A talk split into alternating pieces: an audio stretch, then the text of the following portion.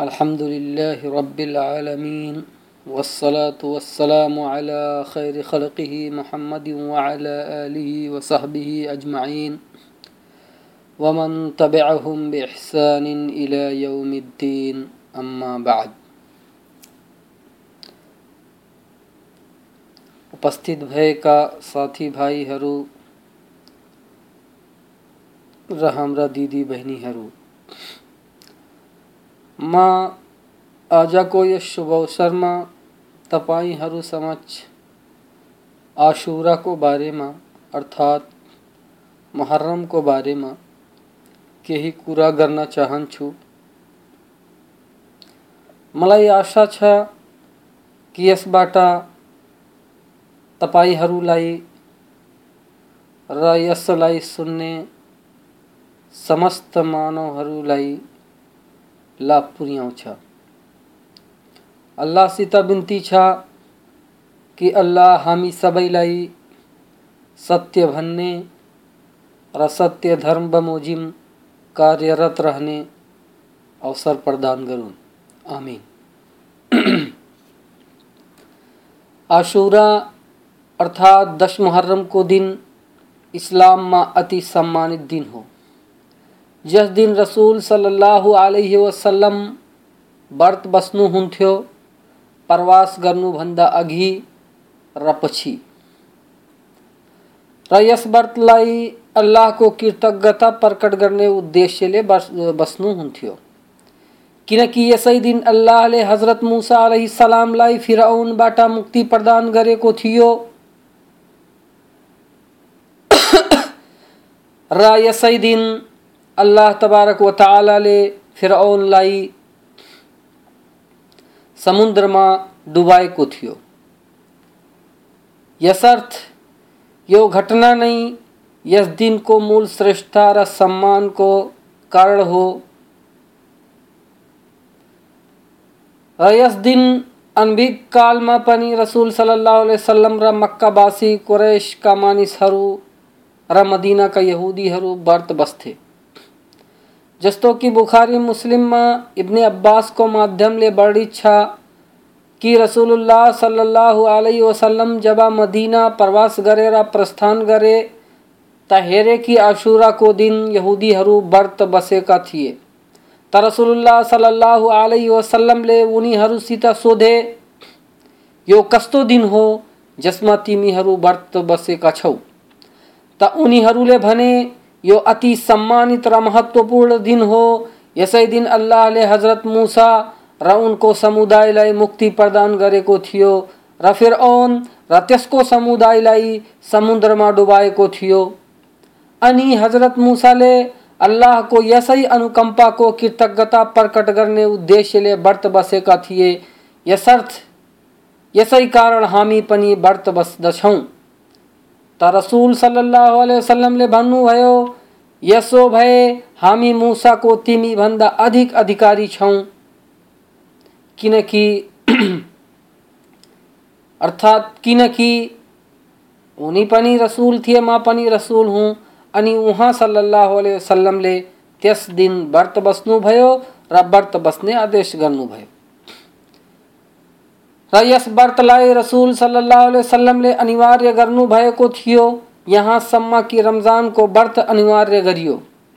अनि रमजानको व्रतद्वारा यसको अनिवार्यतालाई स्थगित गरियो। तर यस व्रतका श्रेष्ठताहरू अरू व्रतहरूमाथि अत्याधिक छन् जसमध्ये केही म अहिले वर्णन गर्दछु। सन्देष्टाहरूले यस व्रतलाई निरन्तरताले बस्दै आएका छन्। र मुसनद मुसनद अहमदमा यो पनि वर्णित छ कि मुसा सलाम भन्दा पहिला पनि यस व्रतलाई बसिन्थ्यो। तर यो कुरो सही छैन।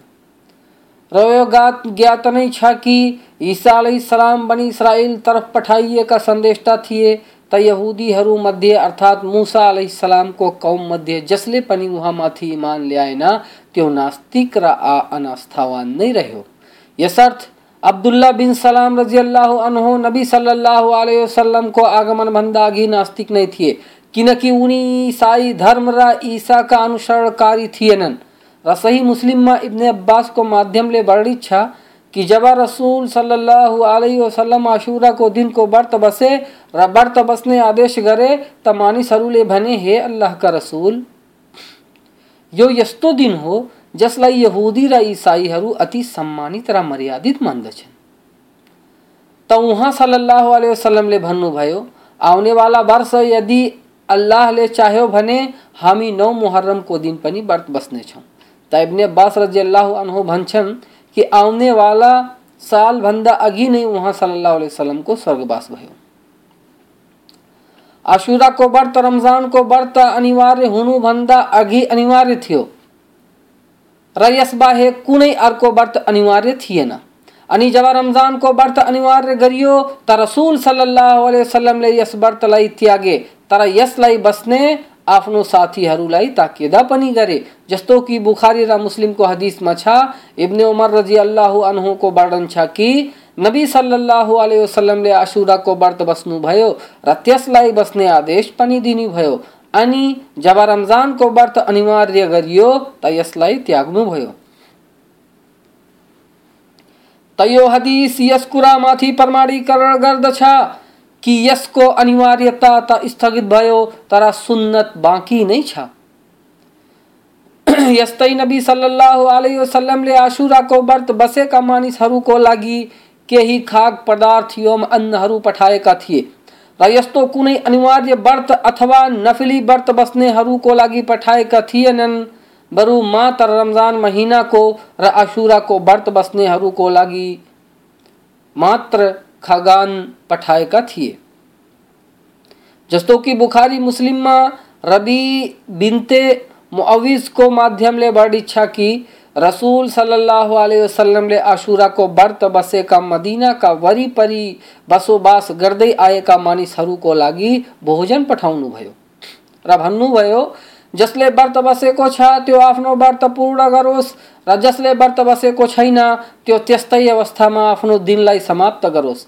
र रबी बिन्ते मुआविज भन्छन् कि त्यस समयदेखि हामी आफू पनि असुराको व्रत बस्थे र आफ्ना ससाना बालबालिकाहरूलाई पनि व्रत बसाल्दथे। र बच्चाहरू लिएर मस्जिद तरफ़ जान्थे र उनीहरूको लागि खेल्ने खेलौनाहरू पनि लिएर जान्थे। अनि जब कुनै बालक भोकले रुन थाल्थ्यो, त त्यसलाई खेलौना दिइहाल्थे। यहाँसम्म कि इफ्तारीको समय आइहाल्थ्यो। र अर्को हदिसमा छ, जब बच्चाहरू हामीसित खाना माग्थे, त उनीलाई खेलौना दिन्थे। ताकि खेलमा व्यस्त भएर आफ्नो व्रतलाई पूर्ण गरून्। यस्तै यसको श्रेष्ठ मध्ये यो पनि हो कि यो व्रत एक वर्षको पापलाई नष्ट पारिदिन्छ, जस्तो कि सही मुस्लिममा हज़रत कतादाको माध्यमले वर्णित छ कि एउटा मान्छेले रसुल सल्लाह वसल्लमसित आशुराको व्रतको बारेमा प्रश्न गर्यो, त रसुल सल्लाह वसल्लमले भन्नुभयो, यसद्वारा विगतको एक वर्षको पापहरूलाई क्षमा गरिन्छ। त यस श्रेष्ठमा अरफातको दिन बसिएको नफली व्रत बाहेक अरू कुनै नफली व्रत आउँदैन र अरफातको व्रत एक वर्ष अघिल्लो र एक वर्ष पछिल्लोको पापलाई नष्ट पर्दछ, त जसले अशुरा र अरफातको दिनको व्रत बस्यो, त्यसको एक वर्ष पछिल्लोको पापहरू नष्ट भए। त जसले आशुरा र अरफातको दिनको व्रत बस्यो, त्यसले पछिल्लो वर्षको पापलाई नष्ट गर्ने माध्यमलाई अपनायो। र यो कुरो त्यसको हकमा अरू सुदृढ र परिपूर्ण भयो। त्यस पुण्यको साथै जुन त्यसलाई अल्लाहको गुणगान र आराधना गर्नुबाट प्राप्त हुन्छ। र निष्ठापूर्ण तौबाबाट जुन पुण्य र यसद्वारा पाइने जुन प्रतिफल एवं राम्रो ठेगानाको भक्त आशान्वित हुन्छ, त्यसको वर्णन रसुलुल्लाह सल्लाह वसल्लमले गरेका छैनन्, बरु मात्र पापलाई नष्ट गर्ने कुरालाई वर्णन गरेका छन् जसको कारण यो हो कि पाप नै विपत्ति अवतरित होने कारण हो। र पापबाट मुक्ति नै भलाइ र समृद्धि ल्याउँछ र एउटा हदिसमा छ कि कुनै पनि विपत्ति यदि आउँछ भने पापको कारण नै आउँछ यसर्थ, जब पाप नष्ट भइहाल्छ त भक्तमाथिबाट त्यससित संलग्न समस्त दुखदायी कुराहरू र लुप्त भइहाल्छन् र जब समस्त पाप नष्ट भइहाल्छन् त त्यसको स्थानमा भलाइ र कल्याण कल्याण आउँछ। त यसै कारण रसुल सल्लाह अलैहि वसल्लमले इस्लामका समस्त निर्देशनहरूमा त्यसको माध्यमलाई, त्यसको प्रभावभन्दा अधिक वर्णन गरेका छन्। यस्तै नबी सल्लल्लाहु अलैहि वसल्लमको यस व्रतलाई अरूभन्दा अधिक महत्त्व दिनु बरु रसुल सल्लल्लाहु अलैहि वसल्लमले यसको तुलना रमजानको व्रतसित गरेका छन्। जस्तो कि बुखारी र मुस्लिममा इब्ने अब्बासको माध्यमले वर्णित छ कि मैले रसुल सल्लल्लाहु अलैहि वसल्लमलाई आशुराको व्रत रस, यस महिना अर्थात् रमजानको व्रतभन्दा अधिक श्रेष्ठ वर्णन गर्दा कुनै अरू व्रतबारे हेरेको छैन। यस्तै सहाबाहरूको यस व्रतलाई निरन्तरताले बस्नु र यसलाई बस्ने आदेश गर्नु र यसलाई छुट्ने भय मान्नु, जस्तो कि इब्ने जरिर अत्तबरीले तहजिबमा अस्वदको माध्यमले वर्णन गरेका छन् कि मैले रसुलुल्लाह सल्लल्लाहु अलैहि वसल्लमका जति पनि सहाबीहरूलाई पाएँ, ती मध्ये सबैभन्दा अधिक हज़रत अली र मुसा अल अशअरी नै अशुराको व्रतको बारेमा आदेश गर्नेवाला थिए। र वर्णन गरिन्छ कि अब्दुल रहमान बिन औफ रज़ी अल्लाह अनहु आशुरा को दिन चाष्ट को समय, अर्थात दिन को एक पहरसम्म पूर्ण गरे र उहाँलाई यो थाहै थिएन कि आज आशुराको दिन हो। अनि जब उनलाई यसको ज्ञान भयो त उहाँ भयभीत भएर भए र उहाँले त्यस दिनको व्रत बसे, र हामीलाई पनि व्रत बस्ने आदेश गरे। र असर अर्थात् हदिस सही छ। र वैधानिक यो छ कि आशुराको दिनको साथै त्यसभन्दा अघिको दिनको पनि व्रत बसियोस्, ताकि यहुदी र इसाईहरूको विरोध गरियोस्। किनकि उनीहरू मात्र एक दिन नै व्रत बस्दछन् र रसुल सल्लाह वसल्लम पनि पहिला यसैलाई अर्थात् एक दिन नै व्रत बस्थे, अनि पछि आएर यहुदी र इसाईहरूको विरोध गर्ने उद्देश्यले दुई दिन व्रत बस्नु भयो, र दुई दिनलाई वैधानिक गर्नुभयो जस्तो कि मुस्लिमको हदिसमा छ, हकम इब्नुल आरजको वर्णन छ कि मा इब्ने अब्बासको समक्ष यस अवस्थामा पुगे कि उहाँ आफ्नो च्यादरलाई जमजमको पानीले भिजाएर लगाएका थिए अनि मैले सोधेँ, मलाई आशुराको व्रतको बारेमा केही बताउनुहोस् त उहाँले भने जब तिमीले मुहर्रम महिनाको चन्द्र हेरिहाल त त्यसका दिनहरूको गणना गर र त्यसको नवौँ दिन व्रत बसा त मैले भने के नबी सल्लाह वसल्लम, यसरी नै गर्थे? त उहाँ रज़ी अल्लाहले भन्नुभयो हो, यस्तै गर्थे। मुस्लिम। त यो हदिस, यस कुरालाई प्रष्ट पार्छ कि मुहर्रमको नवौँ दिन र दसौँ दिनको व्रत बस्नु वैधानिक छ र यो कुरो इब्ने अब्बास र इब्ने सिरिनबाट प्रमाणित छ। किनकि इब्ने सिरिन दसौँ मुहर्रमको व्रत बस् बस्दै गर्थे अनि जब उहाँलाई यो ज्ञान भयो कि इब्ने अब्बास नवौँ तारिकको दिन पनि व्रत बस्थे त उहाँ पनि नौ तारिकको व्रत बस्न थाले। र इब्ने सिरिन इस्लामका ठुलो विद्यहरूमध्ये एउटा विद्य हुन्। र अशुरालाई अशुरा यस कारण भनिन्छ किनकि यो मुहर्रमको दसौँ दिन हो। र अरबीमा अशराको अर्थ दस हो।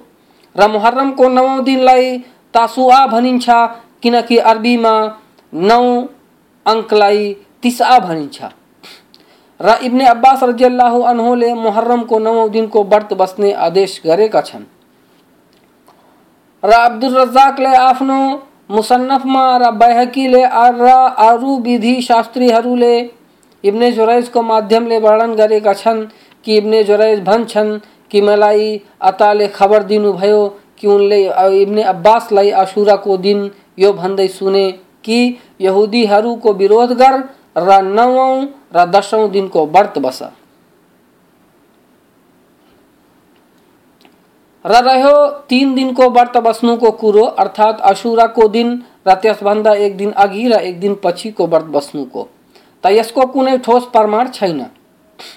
र अर्को कुरो के छ भने रसुल सल्लाह वसल्लमले उनीहरूको विरोध गर्न खोजेका थिए र विरोध गर्नु नवौँ दिनको व्रत बसेर पनि पूर्ण भइहाल्छ। र सहाबाहरूमध्ये कसैबाट यो प्रमाणित छैन कि उनी मध्ये कसैले ग्यारौँ दिनको पनि व्रत बसेका हुन् बरु यस्तो गर्नु केही सदाचारीहरूबाट प्रमाणित छ, जसरी ताउस र किसान आदिबाट। र इब्ने अबी शैबामा यो कुरो प्रमाणित छ, किनि कि उनी आशुराभन्दा अघि र पछि यस भयले गर्दा व्रत बस्थे कि कदाचित आशुराको व्रत न छुटोस्। र यदि मान्छे मात्र आशुराको दिन व्रत बसोस्, न त त्यसभन्दा अघि व्रत बसोस्, न त त्यसभन्दा पछि तै पनि कुनै आपत्ति छैन। तर यदि मान्छेसित क्षमता छ भने दुई व्रत बस्नु उत्तम छ। तसर्थ यदि कोही मात्र एक दिन व्रत बस्छ भने सुन्नतलाई पाइहाल्छ। त्यसलाई एक वर्षको पापको क्षमादान पनि मिल्छ, तर पिरो, विरोध गर्नुको पुण्यबाट वञ्चित नै रहन्छ। र केही सदाचारी पूर्वजहरूबाट यो पनि वर्णित छ कि उनीहरू विशेष रूपले आशुराको दिनको व्रत नै बस्थे, जस्तो कि अब्दुल रज्जाकले आफ्नो मुसन्नफमा वर्णन गरेका छन् अबू बकर बिन अब्दुल रहमान बिन हारिसको माध्यमले कि हज़रत उमर रज़ी अल्लाह अनहोले आशुराको रात्रि हज़रत अब्दुल रहमान बिन हारिसलाई यो आदेश गरे कि सहरी खाएर व्रत बस्नु, अनि हज़रत अब्दुल रहमानले व्रत बसे। र अबमा तपाईँहरू समक्ष यस दिन गरिने केही अवैधानिक कार्यहरूलाई राख्दछु।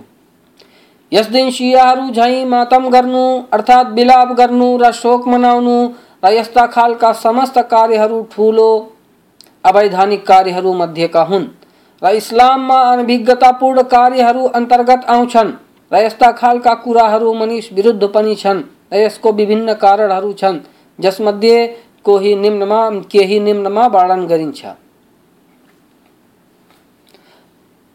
यो कि यो कार्य रसूल सल्लल्लाहु अलैहि वसल्लम को पद्धति विरुद्ध छ, किनकि नबी सल्लल्लाहु अलैहि वसल्लम यस दिनको आगमनमा प्रसन्न हुन्थे र व्रत बसेर यसको सुअवसर प्रदान गरेमा अल्लाहको कृतज्ञता प्रकट गर्थे। यसर्थ, यस पद्धति विरुद्ध यसको स्वागत विलाप व्याकुलता, क्रोध र लान तान योम रगत बगाएर गर्नु अल्लाहले प्रदान गरेको अनुकम्पाको इन्कार गर्नु हो।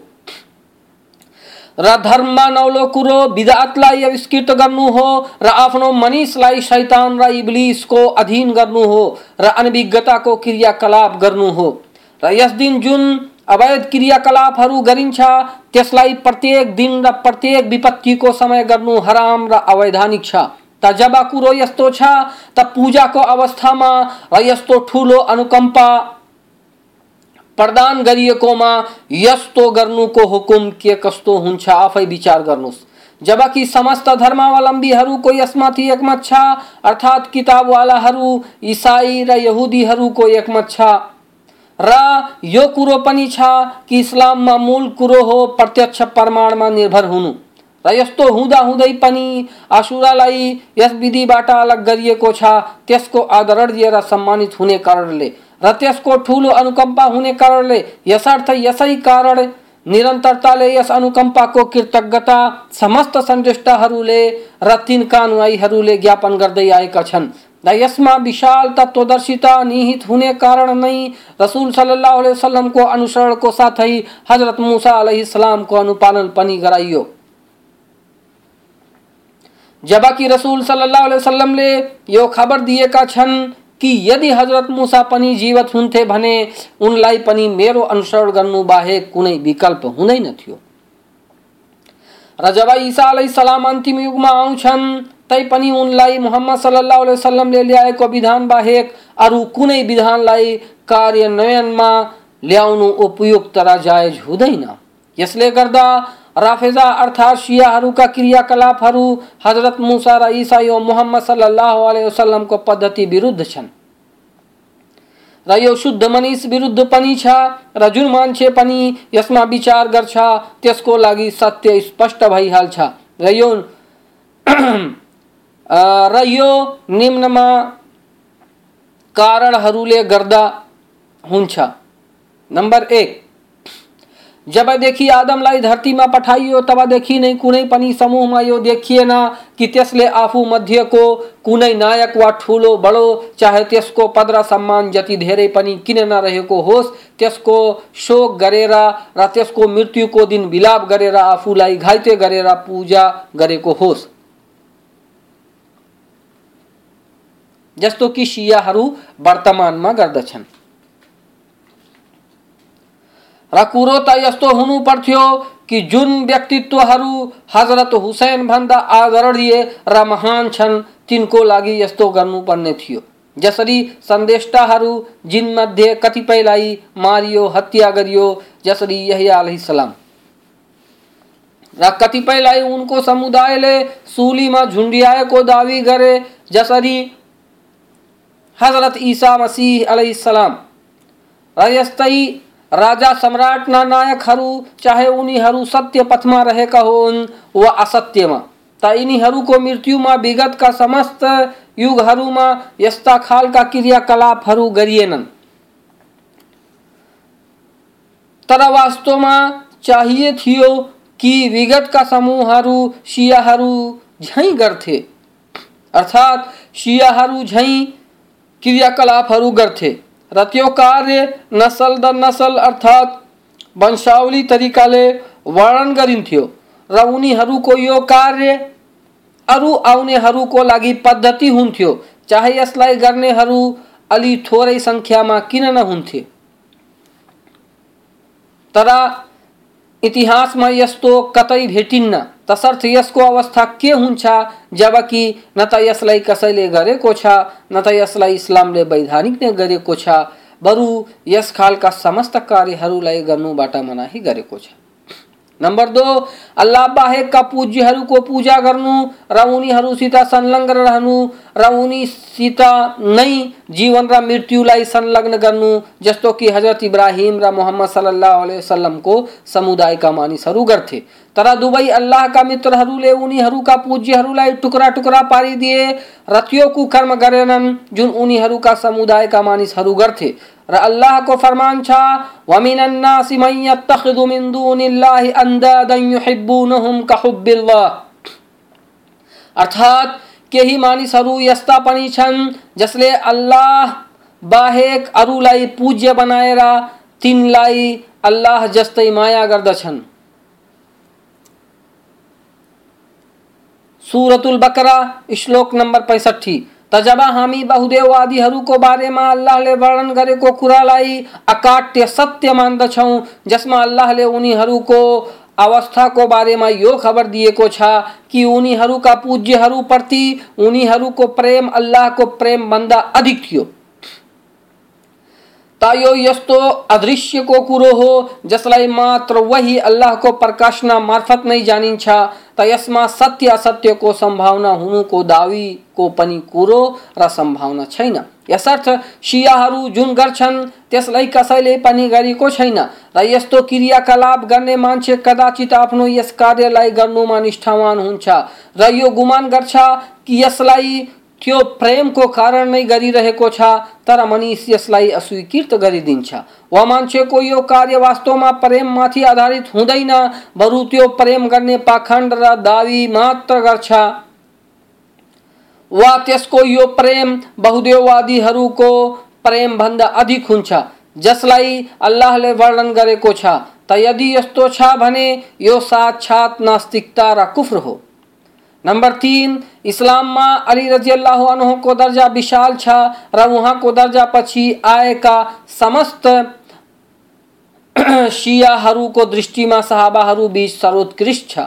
जुन सहाबाहरू मध्ये हसन र हुसैन पनि हुन्। र हज़रत अली रज़ी अल्लाह अनहुलाई अब्दुलरहमान बिन मुल्जिमले अकारण र अन्यायुक्त तरिकाले चालिस हिजरीमा हत्या गर्यो र यस कुरामा इस्लामका समस्त अनुयायीहरूको एकमत पनि छ। तर उहाँ रजियल्लाहु अन्हुको हत्यामाथि समस्त सहाबाहरू जसमा हसन र हुसैन पनि सम्मिलित छन् ती कार्यहरू जुन हुसैनको हत्यामा गरिन्छ र हज़रत अली रजियल्लाहु अन्हुको हत्या पश्चात उहाँको छोरा हज़रत हुसैन लगभग वर्ष वर्षसम्म जीवित रहे। र उहाँलाई आफ्नो बुवाको हत्याबारे सबैभन्दा अधिक ज्ञान पनि थियो। र यदि उहाँलाई आफ्नो बुवाको हत्यामा केही गर्नुपर्ने हुन्थ्यो भने सबैभन्दा अधिक हकदार उनी नै थिए। तर उहाँले आफ्नो बुवाको मृत्युमाथि केही पनि गरेनन्। बरु अल हसन बिन अली को पनि मृत्यु भयो, जुन उनका साखै भाइ थिए। र उहाँ अडतालिस हिजरीमा जीवितै थिए तर सियाहरूले गरिरहेका कार्यहरूमध्ये केही पनि गरेनन्। बरु हुसैनले आफू बाहेक अरूलाई उहाँको जनाजाको नमाज़ पढाउनको लागि अगाडि बढाए, अर्थात् सईद बिन आसलाई अगाडि बढाए। उनको दर्जा र आदरणीय एवं मर्यादित हुने कारणले, जस्तो कि मुसन्नफमा अब्दुल रजाकले वर्णन गरेका छन् कि सुफियानले सलीम बिन अबी हफ्स को माध्यमले वर्णन गर्छन् कि अबु हारिसले भने, जस दिन अल हसन को मृत्यु भयो, त्यस दिनमा त्यहाँ उपस्थित थिए। अनि मैले हेरेँ कि हुसैनले सईद बिन आसको गर्दनमा हातले धक्का दिँदै भनिराखेका थिए, तपाईँ जनाजाको नमाज़ पढाउनुको लागि अगाडि जानुस्। र यदि यो सुन्नत नभएको भए, म तपाईँलाई कदापि अगाडि बढाउने थिएन। र हसन एवं हुसैन स्वर्गका नौ युवक का नायक पनि हुनेछन् यो सबैलाई ज्ञात छ। चार यदि जुन शियाहरू हुसैनको मृत्युको दिन गरिराखेका छन्, त्यसलाई सत्य र वैधानिक मानियोस् भने यसलाई पनि वैधानिक मान्नुपर्छ कि जति पनि इस्लामीय गुटहरू छन्, समस्त गुटहरू आ आफ्ना अगुवा र नायक एवं मर्यादित मान्छेहरूको मृत्युमा ती सबै गरून् जुन शियाहरू गरिराखेका छन्। तसर्थ कुरो यस्तो भइहाल्छ कि वर्षको समस्त दिनहरूमा मुसलमानहरू आफूमाथि प्रहार गरी रक्तपात गरिरहन्छन् र आफ्नो गालमा चमाट हानिरहन्छन् र मृतकमाथि विलाप गर्नु उनीहरूको दिनहुँको कार्य भइहाल्छ र समस्त गुटहरू अर्को गुटलाई यस्तो गर्नुको आमन्त्रण दिन्छ। यसर्थ यस्तो गरेर सत्य बाटोबाट सबैलाई रोकिन्छ र त्यो बाटोबाट पनि जसमा लोक परलोकको सफलता निहित छ। त क्रियाकलाप को अवस्था जन गंभीर भई हाल छा, जब मान्छे यसलाई धर्म विधान ठान्दछ। र यस प्रकारका समस्त क्रियाकलापहरू, जुन कि पाखण्ड र भ्रम मात्र हुन्, र आडम्बर मध्ये आउँछन्, ती बारे रसूल सल्लल्लाहु अलैहि वसल्लम को यो कथन नै पर्याप्त छ। उहाँ सल्लल्लाहु अलैहि वसल्लम को भनाइ छ कि जसले कुनै यस्तो कार्य गर्यो, जसको आदेश हामीले गरेका छैनौँ, त त्यो कार्य अस्वीकृत छ।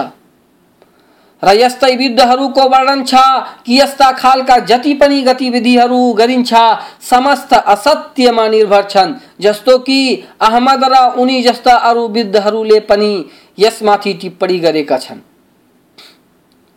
यस्तै अशुराको दिनलाई स्नान गर्नु, सुगन्ध प्रयोग गर्नु, सुरमा लगाउनु, मेहदी लगाउनु, राम्रो लुगा लगाउनु र यस जस्तो अरू कुराहरूको लागि विशिष्ट गर्नु पनि सही छैन। र यस्तो गर्नुलाई कसैले पनि राम्रो कार्य भनेका छैनन्, जस्तो कि यस्तो कार्यहरू उनीहरू गर्छन्, जुन सियाहरूलाई घृणित ठान्दछन्। त प्रश्न यो भयो कि यस दिनमा न त कुनै बिदा जायज़ छ, अर्थात् शोक मनाउनु, आफूलाई रक्तपात गर्नु आदि न त यस दिन प्रसन्नता, पूर्ण भएर राम्रो लुगा लगाउनु, राम्रो भोजन गर्नु, सुरमा लगाउनु, स्नान गर्नु आदि नै वैधानिक छ।